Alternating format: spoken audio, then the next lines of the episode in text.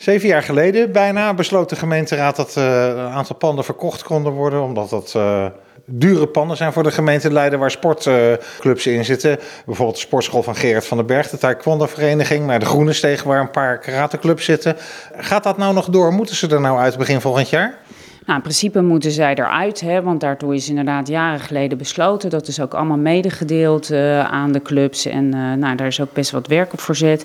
Ik heb wel aangegeven van, nou ja, ook uh, gelet op het huidige tijdsgevricht wil ik toch nog een keer onderzoeken of het toch niet mogelijk is om de pannen te behouden. En ik hoop de raad daar ook in het najaar over te kunnen informeren. Overigens moeten we daar ook als college natuurlijk ook ons over buigen. Het zit ook grotendeels in de portefeuille van mijn collega wethouder van Delft.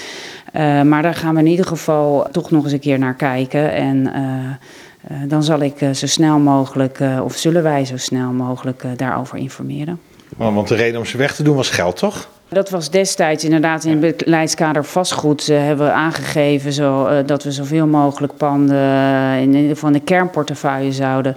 Daar zouden we de panden behouden, maar ook panden zouden afstoten. En dit was dan inderdaad een onderdeel van een set wat we zouden afstoten. En gaat het dan om de onderhoudskosten waar u vanaf wil of heeft u de inkomsten nodig van de verkoop? Uh, nou ja, in ieder geval destijds was het ook echt hè, om te zeggen van we, gaan terug naar de kernportefeuille. En uh, we zeggen nu eigenlijk, ja, ik, wil toch wel echt graag onderzoeken of er mogelijkheid is om te behouden. En of er redenen zijn om te behouden en wat het financieel betekent. Dus er zit heel veel aan vast. Uh, maar ik wil daar toch nog nu één keer bij stilstaan. gaat u dat dan laten onderzoeken of gaat u dat gewoon zelf beslissen? Hoe, hoe gaat dat proces? Nou, dat proces, daar zijn we in ieder geval nu uh, naar aan het kijken. En ik heb ook aangegeven in de commissie dat ik uh, daar dus in het uh, nou ja, najaar over zal berichten. En dat zal wat mij betreft na het zomerreces zijn. Want er moet voldoende tijd zijn en duidelijkheid zijn. Als we het wel gewoon volgens lijn, zoals we hadden ingezet, afstoten... moet dat ook allemaal aan de regelen der kunst voldoen. Dus, en moet de partij natuurlijk ook voldoende gelegenheid hebben om alsnog te kijken wat er dan verder mogelijk is.